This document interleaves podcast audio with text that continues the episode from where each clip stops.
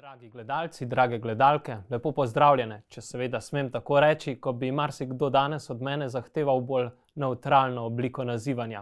Da, o tem bomo govorili, o zmedenosti glede naše identitete, o prodorni teoriji spola, o krščanski vzgoji na teh področjih in še marsičem. Z menoj danes v studiu lepo pozdravljam dr. Gabriela Kavčiča in magistr Mojco Belcel Magdič. Lepo pozdravljena. Tako, se veselim našega pogovora. In Gabriel, na nedavnem obis, papeževem obisku v Budimpešti, se je sveti oče kar izrazil skrb nad raztapljanjem identitete. Govoril je, če citiram, o zlovešči poti ideoloških kolonizacij, ki odpravljajo razlike, kot v primeru tako imenovane kulture spolov. Kako sam vidiš to krizo identitete in pa kako je ta povezana s teorijo spolov? Um, se mi zdi zelo v redu za začetek tega pogovora. Um, kot smo že večkrat, uh, ko z Mojco govorimo o teh temah, uh, smo že večkrat ugotavljali prav to. Uh, ta, to, kar je papež omenil, se pravi teorija spola, je v bistvu zelo, zelo mehen delček zelo, zelo širokega vprašanja, ki je prav ta kriza identitet, to raztapljanje identitete. Um, na splošno je to tisti, ki delamo recimo z mladino ali pa starši, tudi posebej krščanski, katoliški starši, to zelo dobro vejo, da težko prenašamo posebej na mlade, da se ne tiste, recimo, temu oporne točke, ki so včasih veljale za normalno, nekaj svetega, nekaj čisto normalnega, danes pa ni, temu ni več tako. In potem imamo razne posledice v družbi, posebej v mladih generacijah. Um, ker če se nimaš kam oprijeti, ne, potem postaneš ali del neke tihe večine, ali pa se nagneš, kot se danes običajno reče, zelo levo ali pa zelo desno. In to je točno, se mi zdi, presek naše družbe. Tako, ko pogledaš, večina ljudi molči ali pa je celo naveličana teh tem v, um, imamo pa zmeraj večje, bi rekel, bolj skrajne skupine, ki imajo vsaka po svoje tudi nekaj prav, na vse zadnje, ampak zelo eh, jasno nastopajo v svojih stališčih, včasih nekoliko preveč uh, direktno, oziroma se ne da potem več pogovarjati. Plot tega je pa izgubljena identitete. Mlad človek, ko nima nobenega oprijemališča, ko nimaš ničesar, čemu bi se ali upiral ali se za to zauzel potem sam najdeš nekaj, ali pa te celo, to, kar me najbolj skrbi, najde prvi, ki ima močno identiteto in pride, pride mimo tebe. To se mi zdi zelo v redu, da zastavimo to širše vprašanje. In to je točno to, kar je želel tudi sveti oče, ker ta izjava papeža Frančiška je širša. Jaz upam, da si jo bodo v medijih seveda eh, bogato zignorirali, pravi, vse drugo so poročali o njegovem obisku na Mačarskem, samo teh stvari ne. In on je v treh, štirih stavkih povedal vse, kar je treba povedati. Dotaknil se je krize identitete v Evropi in zahodnem svetu, kot primer je dal uh, teorijo spola oziroma gender theory, potem je šel na temo splava in na koncu šel na temo natalitete, se pravi, da Evropa umira. To so bistvene teme, ki so recimo tako zajamejo. V grobem to, to našo razpadajočo, zmeraj bolj razvodenelo uh, Eh, identiteto v splošnem evropski in v zahodni družbi. Jaz bi tukaj dodala, da v bistvu gre za ideologijo, ki je najbolj posegla v intimnem prostoru človeka. In to je v njegov spol, v njegovo spolnost, v njegovo razumevanje, kaj je moškost, kaj je ženskost, kakšna je razlika med moškimi in ženskami, kakšne so vloge, na vse zadnje, kaj je zakon in kaj je družina. Ne govorimo potem zdaj na koncu o teh zdravih temeljih za cvetočo družbo. Ampak, če se vrnem, če ti ne veš, kdo si, kako naj ti gradiš samega sebe, svojo in svojo prihodnost in gradiš odnose, če imaš to vrzel v sebi in to vprašanje, kdo si in ne vem, kdo sem, niti moje lastno telo mi več ne pove, kdo sem. Imajo to razmišljanje. In zelo dobro bi se zahvalil za to razmišljanje, ker se mi zdi, da bi pa zdaj šli malo bolj v konkretno, da morda za začetek razjasnimo nekaj pojmov. Ne, govorili smo o torej, družbi, ki malo načenja vse to našo družino, da skrati tukaj povezana LGBT, in pa potem a, naprej bomo pa spregovorili mogoče še o sami teoriji spolov. Pa bi morda samo Gabriela prosil, če bi malo bolj to predstavil, zakaj se gre. Ja, torej jaz običajno tukaj začnem. Mi imamo običajno tako razdeljeno, ta teoretični del je ponadi zelo, zelo pomemben, da lahko potem gremo na ta praktični del, ki ga pa mojca kot mama bolj obvlada. Uh, Sedaj, ker ko imaš svoje otroke v tem svetu, je zadeva potem pride iz teorije z, v zelo surovo prakso včasih. Uh, torej, jaz zmeraj nagovarjam, prigovarjam in, in poskušam dopovedati ljudem, da pristajamo pri pogovoru o teh, recimo, um, demo zdaj reči gender teoriji, pristajamo na, ali pa ko rečemo LGBT, pristajamo na eno jezikovno zanko, um, eno tako um, mentalitetno zanko, nastavljeno skozi zadnja desetletja. Tu bo mojca odlično znala razložiti, kako je to skozi zgodovino šlo. Um, in se pogovarjamo o tej zadevi, in če smo čisto iskreni, noben točno ne ve, zakaj gre. Um, in, in, in, in zmeraj te silijo, recimo tudi mene v moji službi, zmeraj silijo v to, da tudi jaki ali pa birmanci, recimo, zmeraj, a si pro, si kontra, ne? kaj si zdaj. In tukaj je zanka, ker jim je uspelo skozi desetletja spraviti zadevo v en koš, in tam noter imamo mi tako različne stvari, da nikoli ne moreš biti pro ali pa kontra. In to zdaj ni, eh, da sem jaz zdaj tle razvodenil ali pa relativizem. Pa Sploh ne, ampak da če se hočemo o tej temi pogovarjati, moramo jasno postaviti, kaj je kaj. In če gremo zdaj najla, najlažje iti kar po teh črkah, ki jih vsi poznamo, nekako posebej mlajše generacije, imamo LPG, to je isto spolno nagnjenje. Lete, tukaj noter so vprašanja um, zakonske zveze, trenutno se odpira v Sloveniji, seveda z novim družinskim zakonikom. Tukaj noter imamo tudi vprašanja, lahko dva istospolna partnerja, naprimer, se obiščeta v bolnici, lahko dedujeta eden za drugim, to je vprašanje, ki pride pred zakonsko zvezo. Ne. Potem vprašanje. Naprimer, um, posvajanja strani takšnih parov. To je čisto drugo vprašanje, ker ono je socialna pravičnost. Lahko, recimo, da se mi pogovarjamo o tem, kdo bo kako v družbi imel kakšne pravice v družbi. Tako kot vsaka druga skupina, kritična masa ljudi se nabere in se parlament, vlada, kdorkoli že obada z njihovimi pravicami. Nekaj povsem drugega pa je, ko mi redefiniramo družino. Dejte, in zdaj so tu tri vprašanja, ki sem jih naštel, povezana samo z LPG, pa delno B, recimo, se pravi bisexual, kjer imamo bolj poudarek na spolni usmerjenosti oziroma izbiri partnerja, glede na to, eh, v kakšni situaciji se tako recimo, oseba, ki se deklarira kot biseksualna, znajde. Potem imamo T, to je transgender. Zdaj, uh, transgender je, uh, je zopet ena pomembna tema, to je tema, ki je stara že desetletja. In sicer se skriva v njej običajno, je več razlag, jaz najrajši uporabim to da se nekdo, um, da se nekdo tako imenovani sindrom ujetosti v lastnem telesu, to. Se pravi, da se nekdo ne počuti moškega v moškem telesu in, in ženskega v ženskem telesu, uh, in se ta tema potem nadaljuje vse do kirurgije in tako naprej. Ampak pozor, pri vseh štirih do zdaj naštetih črkah ostajamo v sklopu tako imenovane binarnosti spola. Ker imamo pa potem še vedno nove črke. Tako, potem je pa Q, ne? Q je queer, to je težko prevajati, jaz ponavadi rečem, recimo izven, izven okvirnost, pre, preseže do zdajšnje okvirje. Ta Q pravzaprav tudi eh, nekako pogoltne vse ostale prej naštete. Q se največkrat vidi pod, pod, kot Q, je, to je tisto, kar imamo običajno v mislih, ko govorimo o ožjem vprašanju teorije spola. Se pravi, um, vse to, od ujetosti v lastnem telesu pa do tam, kjer se govori o 90-ih spolih. To je tukaj noter. Zato jaz recimo kot pedagog, uh, je ta nevarna. Ne? Ker pri teju je treba ljudem marsikdaj pomagati, tu, tu je jasna zadeva, tu, tu ni nič novega na svetu, da, so, da, da, da ljudje dobimo težave s spolno identifikacijo, posebej v tistem mladostniškem obdobju. Um, Medtem ko ta Q je pa raztapljanje družbene spolne identitete, tu je pa, tu je pa nekaj drugega zdaj. Ne? Q.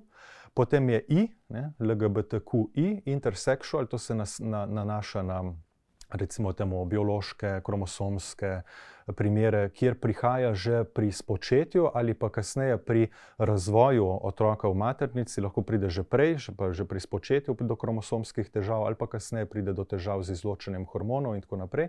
In, so, in imamo dejansko medicinsko dokazljive, jasne um, zadeve v tem I, ne, intersexual in potem še A in plus in vse ostalo. Lejte, to, da ne bomo zdaj predolgo o tem, sem da postavimo zadevo. Ko govorimo mi o teoriji spola, govorimo mi o kuju, recimo, zdaj, če malo poenostavim.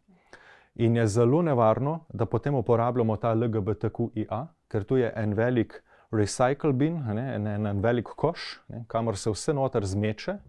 In se, potem, in se potem, ko gre debata naprej, kar za vse zahteva pro pozicijo. Pa ne morem biti vse pro. Ne? O nekaterih stvarih tukaj se da pogovarjati, ne da se recimo pogovarjati pa o tem, da mi mehkega fantka vprašamo, kot se v Evropi že dogaja, si morda punčka ali ne. ne? Tu, pa, tu, tu, je ena, tu, tu je ena od teh tem, od LGBTQIA, ki je pa ki je pa povsem drugačna kot o LPG, ki smo govorili na začetku. No. Toliko, recimo, da, da se zavedamo, da je najboljše govoriti res o teoriji spola in potem govorimo o tem specifičnem raztapljanju spolnih identitet v družbi. Ker največkrat se pa zgodi ravno to, da v bistvu s to kratico vstopa tudi ta ideologija. Uh, in potem ne more človek zauzeti na nek način, če ne pozna tega, kar se. Si stisnjen v kot in moraš biti pro ali kontra, če si kontra, si vsega kriv. Pa bi morda vprašal potem mojca, kako pa zgleda to raztapljanje čisto na eni taki uh, dnevni uh, življenjski bazi. Uh. Tukaj bi še predhodno omenila, da ta avtorica ali začetnica te queer teorije je Judith Butler in ona preprosto ne verjame v objektivno realnost. Torej, pri njej je vse, kar je objektivno in tudi eh, kot recimo biološko moško telo, biološko žensko telo, da je to že, smo mi kontaminirani, da ko pogledamo to telo, da rečemo, da to je moško, to pa je žensko. Torej, pri njej ne obstaja neka fiksna spolna identiteta, ki je bila vezana na neko telo, ampak je ta identiteta preprosto nekako prost, prosto plavajoča, kjer lahko nekdo v praksi išče svojo identiteto, jo ugotavlja, preizkuje, morda najde, morda pa ne najde. In to se zdaj dogaja um, v mnogih primerih, ne samo v ZDA, Kanadi, Veliki Britaniji, skandinavskih državah, ampak tudi zdaj že pri nas. In najbolj ranljiva je skupina med mladih med 13 in 17 letom. To so v zadnjih letih v ZDA ugotovili, da se je to število transpolnih v tem obdobju med 13 in 17 let a, a, podvojilo. A, in največkrat se zgodi, da mlad najstnik, um, bodi si vem, ranjen ali znotraj družine, ali se mu kaj zgodilo, ali kaj traumatičnega, je usamljen, ne najde družbe, ima težave s prejmanjem svojega lastnega telesa, si ni všeč. Um, Nima prijateljev in nekako uteko in odgovore išče na internetu. In večkrat se je zgodilo, da so napisali preprosto stavek na Google, sovražim svoje telo, kaj ne storim.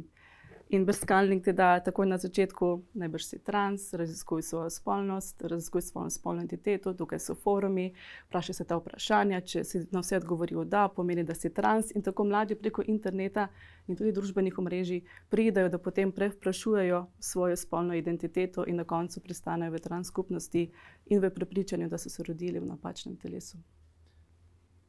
Torej, omenili ste tudi uh, tujino.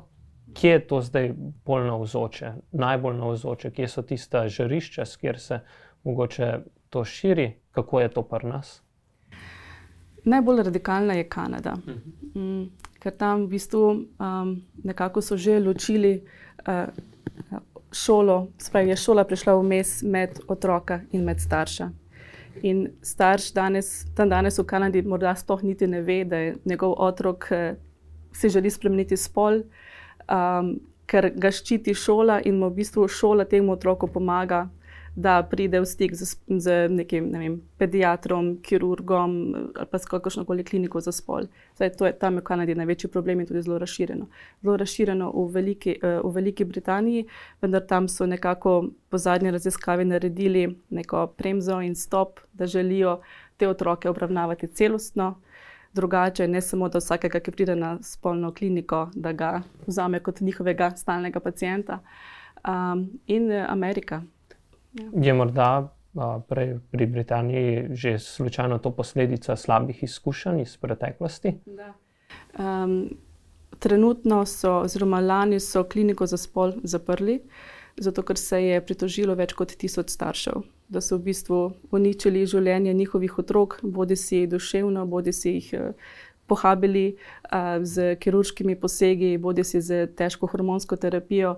Uh, tako da so um, kliniko zaprli in, ja, in, so, in čakajo do kliniko velike tožbe. Torej, na tem primeru vidimo, da neki premiki tudi nazaj so mogoči. Uh, kaj pa čisto tako, z našega moralnega, etičnega vidika, obstajajo neke zavore, kjer bi konec koncev te raztopljenosti, ko ni več nobenega axioma uh, na, na teh področjih, imamo kakšen vzvod, ko se lahko reče tej uh, teoriji ali pa ideologiji ne, oziroma kako se to lahko ustavi, prepreči, uh, da bi na nek način imeli to prevelik vpliv na uh, najstnika, na nekoga, ki je zmeden v svoji identiteti. Ja, jaz mislim, da je Mojca prej že vse povedala, ko je govorila o tem, da se nekdo, da se, kako si že rekla, da se mladostnik ne počuti, da ima težave s samo podobo. Tam se začne, se smo bili vsi tam, se tu ni nič posebnega. To, da ima, da ima fant ali dekle v določenem obdobju svojega življenja neko krizo identitete, je pravzaprav ena čisto naravna zadeva, se moraš imeti, nekako mladostnik išče v v tem primernih letih eh, svojo pozicijo v svetu, ne, ne išče samega sebe, se eh, nekako uveljavlja kot samostojna osebnost. In tukaj noter, zato kar je mojca rekla med 13 in 17 letom, tukaj noter so sedaj težave. Zdaj, kako jih preprečiti, kar si vprašal. Um, to, kar sem jaz, ko smo imeli to temo, ki je že v stični mladih, mislim, da sem potem, sem je kar nekaj, recimo nekaj mladih, potem, ko sem zaključil tisto, ko, ko smo na podobno temo imeli uh, tako le, recimo, razmišljanje. Sem rekel, dejte se zavedati, da ste v redu, ste, v redu ste. In zdaj tu ne pomeni tisto današnjo, eh, fajn si, dober po srcu si, spoh ne. Ampak da mladi slišijo, da so Lep si, lepa si, v redu si, tako kot si. Mar, mar si kdaj se da še kaj popraviti, vsak od nas se mora še popraviti, ampak um, iskati tiste, posebej tiste, ki nimajo ene trdne identitete od doma, ki so ranjeni tako ali pa drugače, in jim dati feedback, da pravi, eh, ne, ne rabiš uh, po, potvarjati samega sebe, um, zato da se boš lahko primerno umestil, umestila v naš svet. Lahko bi rekel, da že besede, ki so zapisane takoj na začetku svetega pisma. Ustvarjen si kot dober, v božji podobi. Uh, ko ga je videl, je videl, da je dobro. Zdaj sem tu, ne? se vračamo čisto na začetek, kjer smo začeli s tem svetom raztopljenih identitet. Ne? To je točno to. V tem svetu bodo težave samo podobo, ki se potem, kot je Mojca povedala, kar na hitro rešujejo, kar prek internetnih vprašalnikov po možnosti, cvetele. Zato, ker v svetu, ki, kjer ti ne veš, kdo si, kaj si, si, si perfekten klient za, za te zadeve. In to je v bistvu začaran krok, če razmišljamo naprej. Zmeraj več mladih, ki se ne znajo vrstiti v ta svet, zmeraj več možnosti za to, da ti nekdo reče: Pa res ni nekaj v redu, s teboj poskusi tole rešitev. In ta rešitev temelji na tem, da, da, da identitete ni. To, to se suče in, in gre kot valjar naprej. In tukaj bi dodali, recimo, v tem bodi si najstnikom, mladostnikom, tudi odraslim, rečejo milijon dolar patient, ker ti si to življenjski pacijent. Ni samo, da ti greš v nek postopek spremenjene spola preko hormonske terapije, preko morda kirurških različnih posegov. Um, ne, ti ostajaš njihov pacijent, ker ti moraš doze hormonov do konca življenja dobivati, če želiš ostati v tej zonani podobi spola, ki si, si jo izbral in drugih, ker pa tudi pri teh kirurških posegih, posegih pride do toliko um, um, ne vem, neprečakovanih situacij, kjer morajo imeti ti pacijenti pa operacijo za operacijo, pride do različnih situacij, ki jih ne, previd, ne predvidijo, in, um, ja, in, in jih čaka veliko posegov. Tako da, uh, ja, milijard dolar, milijard dolar patient. Najboljša kurativa je preventiva in najbrž se mnogi izmed staršev, ki morda tudi to gledajo, sprašujejo, kako pa obvarovati svojega otroka, najstnika, uh, teh stvari, oziroma da se bo v teh ključnih trenutkih znal obrniti ne zgolj na Google, ga vprašati o svoji spolni identiteti, ampak uh, da bo iskal druge. Kaj, kakšno moč imajo pri tem vzgojitelji, starši? Uh, in drugi, ki se z njimi ukvarjajo. Družina bo vedno imela večjo moč kot družba. Samo, če bo družina res to, kar mora biti. Če bosta oče in mama v razumevanju, če bosta v stiku z otrokom, če bo tukaj neko varno okolje za pogovor, če bosta sledila, kaj se z otrokom dogaja, če, um, če bodo skupaj hodili in preživljali čas, um, tukaj je zelo pomembno. Potem bo to spontano prišlo, da bo otrok povedal, kaj je zasledil, kaj ga muči, uh, oziroma veliko lažje bo prišlo do takih pogovorov. Če pa starši ne sledijo in ne vejo, potem bo otrok uh, in bodo z njim manj, manj povezani, potem bo otrok veliko bolj dojemljiv do teh novih idej in teh prepričanj in vrstniškega mišljenja, ki je prisotno vem, na internetu ali pa v razredu ali pa kjerkoli v družbi, ki se druži.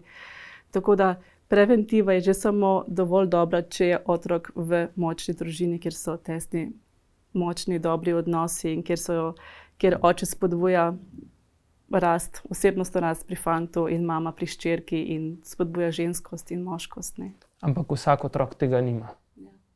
Uh, kaj pa tam? A bomo pustimo križem rok ali so poti? Ja. Kje, ali pa kje jih vidite, predvsem? Tukaj so potem, ja, kot ste omenili, ena preventiva, če so in lahko bi bili, in dobro bi bilo učitelji. Mhm. Uh, pa tudi vem, drugi starši, saj so tukaj potem starši prijateljev, ki, ki opazijo, da je s tem otrokom nekaj narobe. Ne? Uh, ne vem, Gabriel, kaj misliš ti? Ja, Kakšen je tukaj mogoče poklicanost crkve? Ja, ravno to. Lejte, um, enako se pravi za vse pedagoge, zdaj v širokem v smislu, to pomeni tako starše kot poklicne pedagoge, velja, uh, dejmo se ne, izobraževati pa dajmo se pogovarjati o tem. To, je, to, to, to sta te dve zadeve. Jaz se zelo bojim tega kanadskega scenarija, pa še kakšni drugi, tudi zvezdni drž, državi v Ameriki. Je ta težava tega zaciklenega, začaranega kroga, se pravi, da vse, vsa zadeva deluje v isto smer. Se pravi, imaš primerno podnarekovaj izobražene pedagoge v šolah, imaš primerno podnarekovaj izobražene svetovalne delavce in delavke, imaš primerno izobraženo in oblikovano pravno uh, stroko, uh, vse to pod narekovaj, kot primerno, in imaš še ta zadnjo, uh, najbolj recimo. Uh, Dramatično imaš za to izobražene in formirane zdravnike in zdravniško stroko. Vidite, ko, de, ko je sistem enkrat v tem postavljen, pridemo do tistih primerov, ki so dejansko množični, uh, da se začne te zadeve reševati izven družine. Ne? Se pravi, da ne samo, da nekateri nimajo teh družin, ampak tudi tisti, ki jih imajo, morda pa, pa pridejo, pride mladostnik do nekih težavnih trenutkov življenja, da ga tam pričaka vse, kar ga pričaka, je potrjevanje. Ne? Potrjevanje, tako kot se zdaj reče, ne, potrditveni terapeuti. Mislim, kakšen nonsens je to, da imamo mi terapeute, ki so potrditveni terapeuti. Ti prideš terapeutu zato, da ti bo pomagal v tem, ker se ne, v nečemu ne počutiš. Mi imamo pa zdaj potrditvene terapeute, se pravi, da imaš terapeuta, kateremu priješ in ti reče, prav imaš. Ja. Zamenja, mislim, da moramo malo vklopiti možgane tukaj. Le, tu, tu, te stvari so, so, so, so dramatične so tragične. Tako da izobraževanje in kaj, to, kar si vprašal, kaj lahko crkva stori, ravno to, spet pogovor, pa izobraževanje. Zelo narobe je, da e, smo. Da kar precej um, ljudi tudi v cerkvi reče, ali kot totalno kontra, pa še točno ne vedo, ne, ne vedo proti čemu so. Ne, se je treba izobraziti, treba vedeti, kaj je zdaj tole. Ne. Upam, da bomo s to dajo kakšno zadevo malo popravili tukaj. Ali pa na drugi strani se pravi, da si totalno kontra, ali pa na drugi strani, da so že naveličani te teme ni ne, ne drugi primer, ne, ne, ne mlačnost, ne neka srboritost naproti, ne eno, ne drugo, ne prinese po na koncu potrebnih sodov. Ne. Mlademu je pa treba, tam, kjer imaš mladega pred seboj, je pa treba. Um, je pa treba skrbeti, da bo šel skozi ta občutljiva leta v eni, um, v eni mirnosti, da, da ne, ne pa potrditveno terapeute. Dobro, se Slovenija še ni tukaj. Um, hočemo, kar je Gabriel rekel, da nekaj, kar bi radi povedali. Eno je res ideologija, ki moramo biti vedno proti, drugo pa je človek, ki je pred teboj. Ne? Mhm. Nekdo, ki ima krizo identitete, nekdo, ki se išče, nekdo, ki raziskuje svojo spolnost z različnimi spolnimi partnerji. Um, pač že to, da ti pove, kaj se z njim dogaja, je velik korak. In ne, da ga se s njim strinjaš ali pa potrjuješ, zelo pomembno v prvem koraku je, da ga poslušaš. In tudi, da mu sčasoma postavljaš prava vprašanja, v katerih začne razmišljati, ali je na pravi poti in kaj se dogaja z njim. Torej, ena velika pot je to spremljanje. Tega človeka ne smeš pustiti samega in mu ne, uh, ne ga zatirati, in mu ne modrovati, in ne pridigati, ampak zgolj poslušati, ker da se je znašel v taki krizi, je morala biti ena pot, ki ni lahka, da se mu je to zgodilo, da, da ne ve, kdo je in da se išče in da se ne počuti dobro v svojem telesu. Da je v bistvu odmaknjen od svojega telesa in išče in nekako vidi rešitev samo v neki novi identiteti, z nekim novim imenom. Um, tako da takemu človeku stati ob strani, um, biti z njim, tudi če se ne strinjaš, ampak ga poslušati, postaviti prava vprašanja, um, dati včasih kako knjigo. Naj, naj iskati tiste odprte točke, kjer je pripravljen tudi od tebe kaj slišati. Ampak to traja, to je dolga pot. Ker doskrat je ravno to vprašanje, um, kako pristopiti, uh, kako, um, ja, kakšen odnos zauzeti tako naprej. In so to stvari, s katerimi se, ko se pogovarjam z mladimi ali pa tako, uh, doskrat porajajo. Uh, ka, kakšno stališče zauzeti na nek način uh, do tega pojava in hkrati ravno to ločitev potem osebe. Jaz tukaj vidim, da se tukaj rešuje od primera do primera. Recimo, če neka vsebina pride v vrtec in jo ti vidiš, in veš, da je otrok v tem obdobju zelo ranljiv, da kome še razumeva prve koncepte družine, kdo je oče, mama, kdo je stric, babica, da še meša, da še mu ni vse jasno. Tukaj ni a, primerno, da mu ti daš neke nove in druge koncepte družine, ker jih ne razume. A, otrok mora v predšolskem obdobju to dobro razumeti, temelje družine, oče, mama, otrok in te strukture. Potem Um, ko recimo starejši, recimo, če se preskočim osnovno šolo, pa grem do srednje šole. V srednje šole se mladi o tem že sprašujejo. In um, napačno bi bilo, seveda, in, kako bi rekla, uh, če vidiš, da otrok ima neko domačo branje, ki je, ki je sporno, vprašaš, okay, kako pa ti to knjigo bereš, oziroma kako, kaj ti o tem razmišljaš. Uh, vem, da, se, da se o tem pogovarjaš s svojim otrokom. Če vidiš, da prihaja neka eh, sporna delavnica, da pišeš ravnatelju in rečeš, eh, ta, ta delavnica se mi ne zdi v redu, ali lahko jaz predlagam neko drugo, ki bo podobna vsebina, ali pa predlagam nekega drugega gosta. Se pravi, posamično se rešujejo ti primeri. Ne? In vidiš, ali je zadeva zelo nevarna.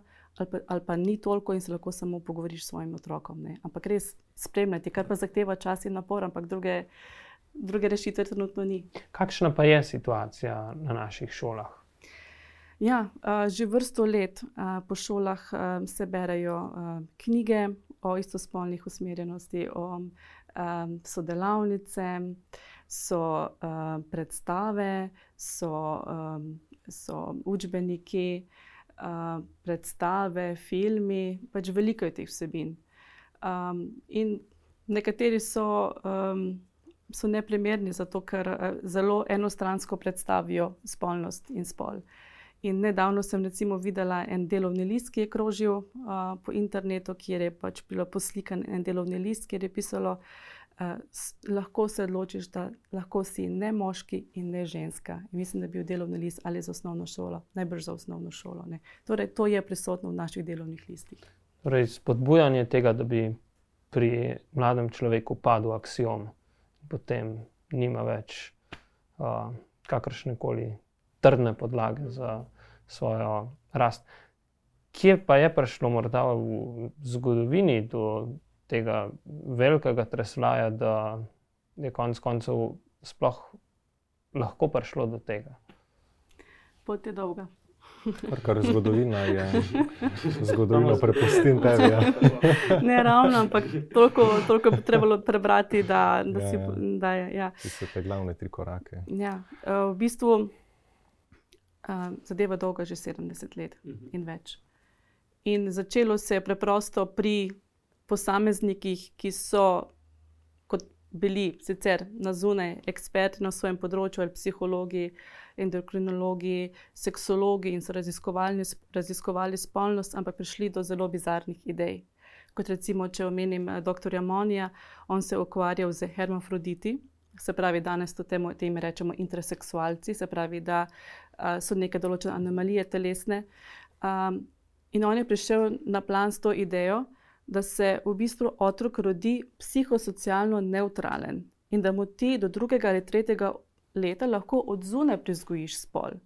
Torej, mu, da otrok se sam ne zaveda, katerega spola je, in ti takrat imaš odprto okno, da mu usiliš spol po tvoji želji. Bizarna ideja, ne, ne vzdrži. Ampak, ampak s to idejo je bil tako napreden uh, in je naredil tudi grozen postu, poskus na dveh kanadskih dečkih, katerih je leta in leta potrjeval, češ, da to deluje, da ta njegova teorija drži, uh, pa ni. Um, in njegova teorija je bila podlaga za feminizem v 70-ih, ki so pač verjele, da je ženska vloga, ženskost je samo družbeno usiljena vloga. Um, družba, patriarhalna družba ti vsiljuje to vlogo žensko, manj možnosti. Res je bilo takrat manj možnosti, ampak so striktno omejili ženskost na družbeno vlogo, družbena pričakovanja, um, interese, kot da je to tvoja ženskost samo plod družbenih pričakovanj uh, in družbenih vlog. Um, in so grozno potrebovali to monijovo vlogo, oziroma monijov uh, dokaz, češ, da, da, ja, da spolni nekaj, s čimer se rodiš in, uh, in ga razvijaš, in se ti telo razvija, in tvoje spolne identitete v skladu s tvojim telesom, ampak nekaj, kar ti družba usili od zunaj. In potem uh, v letih 90 se rodi queer teorija, o kateri smo prej govorili. Um, v letih 90 pa začne tudi se ta, ta miselnost in feminizem, ki, ki je držal to idejo, eh, vklapljati v politiko. In leta 1995 na ženski konferenci v Pekingu se je prvič urinila beseda gender. In takratni eh, udeleženci te konference niso prav razumeli, kaj ta beseda pomeni. Mislili so mogoče, da samo da druga beseda za seks, ki v angliško tudi pomeni spol, pomeni spol. Uh, Nekateri so mislili, da beseda gender pomeni uh, in moški, in ženski spol. Tako da pri zadnjih vratih se ta beseda urinila, kjer se je potem na široko začelo govoriti samo o spolu kot o družbenem konstruktu. In telo je začelo vse manj, vse bolj se pomikati na stran. Um, In tako po piramidi je potem šlo dol, se pravi od svetovnih organizacij, kot Združeni narodi, do evropskih organizacij, do politike, se pravi predvsem po levici, leve politike, levo smerene politike, do ministrstev, agencij, šolstva, danes pa je v bistvu že zelo prisotno na družbenih omrežjih. Tako da mladi, čeprav smo starši zelo uh, tako s pogledom na šolstvo, ampak mladi pa najprej v stik s tem pridejo na družbenih omrežjih.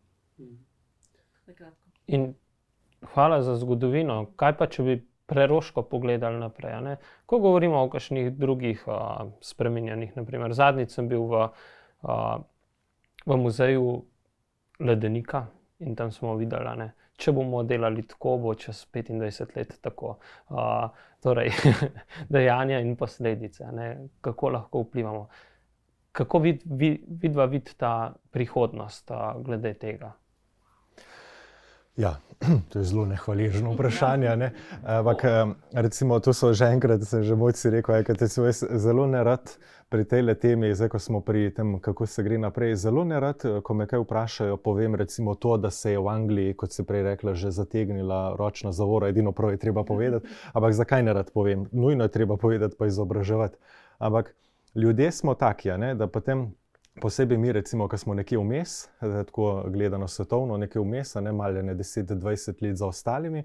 Pa kaj se ljudem enkrat reče, da se je Angliji že zategnilo ročno pri tem, pa si ljudje mislijo, da ja, se pa pa itak, no, sej, ne, se pa pa nam ni treba. Ne, ne. E, jaz ne rad gledam v prihodnost, ne vem, kam gremo tukaj. Um, ne, ne maram biti ne optimist, ne pesimist, je pa treba delati. Ne, dovolj je ne vlastna teža, ne, po svetopisansko. Se pravi, danes tukaj treba delati tisto, kar se narediti da. Ne, in to je to, smo, o čemer smo zdaj že govorili, se pravi pogovor. Eh, jasne identitete, ki štartajo od jasne družinske identitete, in pa mimo grede, ne, ko bo naslednjič, če bojo kakšni starši tole gledali, ko bo naslednjič, se vem, da nisem primeren kandidat, da učim starše, ampak mojca se bo strinjala, ona pa lahko. Lete, ne pa, ko je vprašanje kdo bo pa zdaj šel v svet šole, pa v svet staršev, pa ne vem, kaj vse, ne pa ali iskati muhe gor na zidu, pa čakati, da se kdo drug javi. Ne? Ti se dejavi, ti preberi kakšen članek, pogooglej mojčino ime, preberi se kakšno zadevo, tudi v slovenščini je dovolj napisanega, da si izobražen in takoj roko gor, jaz bom v svetu staršev in želim imeti seznam delavnic, ki se, ki se dogaja na tej šoli.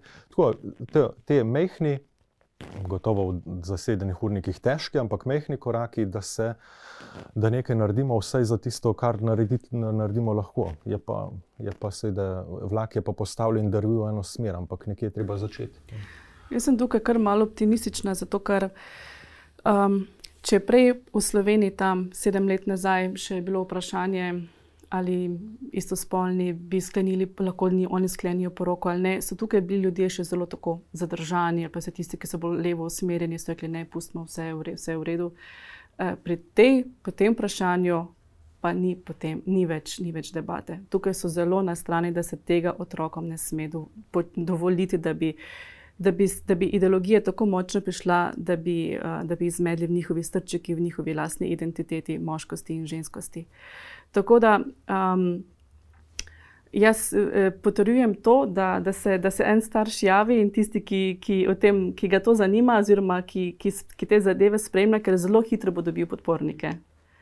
Eh, drugi se bojijo, pa, pa ne želijo se izpostaviti, ampak potem se ti pa zelo hitro priključijo, zato ker imaš potem moč argumentov in naši argumenti vzdržijo in so osnovani na znanosti, osnovani na, osnovani na izkustvu, na tem, kaj je zdravo in dobro za otroka, in tukaj se ti starši priključijo. Tako da pogumno in eh, podpornike boš dobil. In morda je to najlepša beseda prav za konec. Ne? Ko gledamo naprej, ne bo tudi pri nas ena angažiranost, uh, da se ne bojimo in da jasno spregovorimo o tem. Najlepša hvala, Mojca in Gabriel, za ta čudovit pogovor. Me je veselilo, da smo o tem uh, spregovorili. Hvala pa tudi vam, dragi poslušalci, za vašo pozornost. Pa naj vas še povabim, da se naročite na naš kanal, všečkate in delite te vsebine. Se vidimo v naslednji oddaji. Srečno!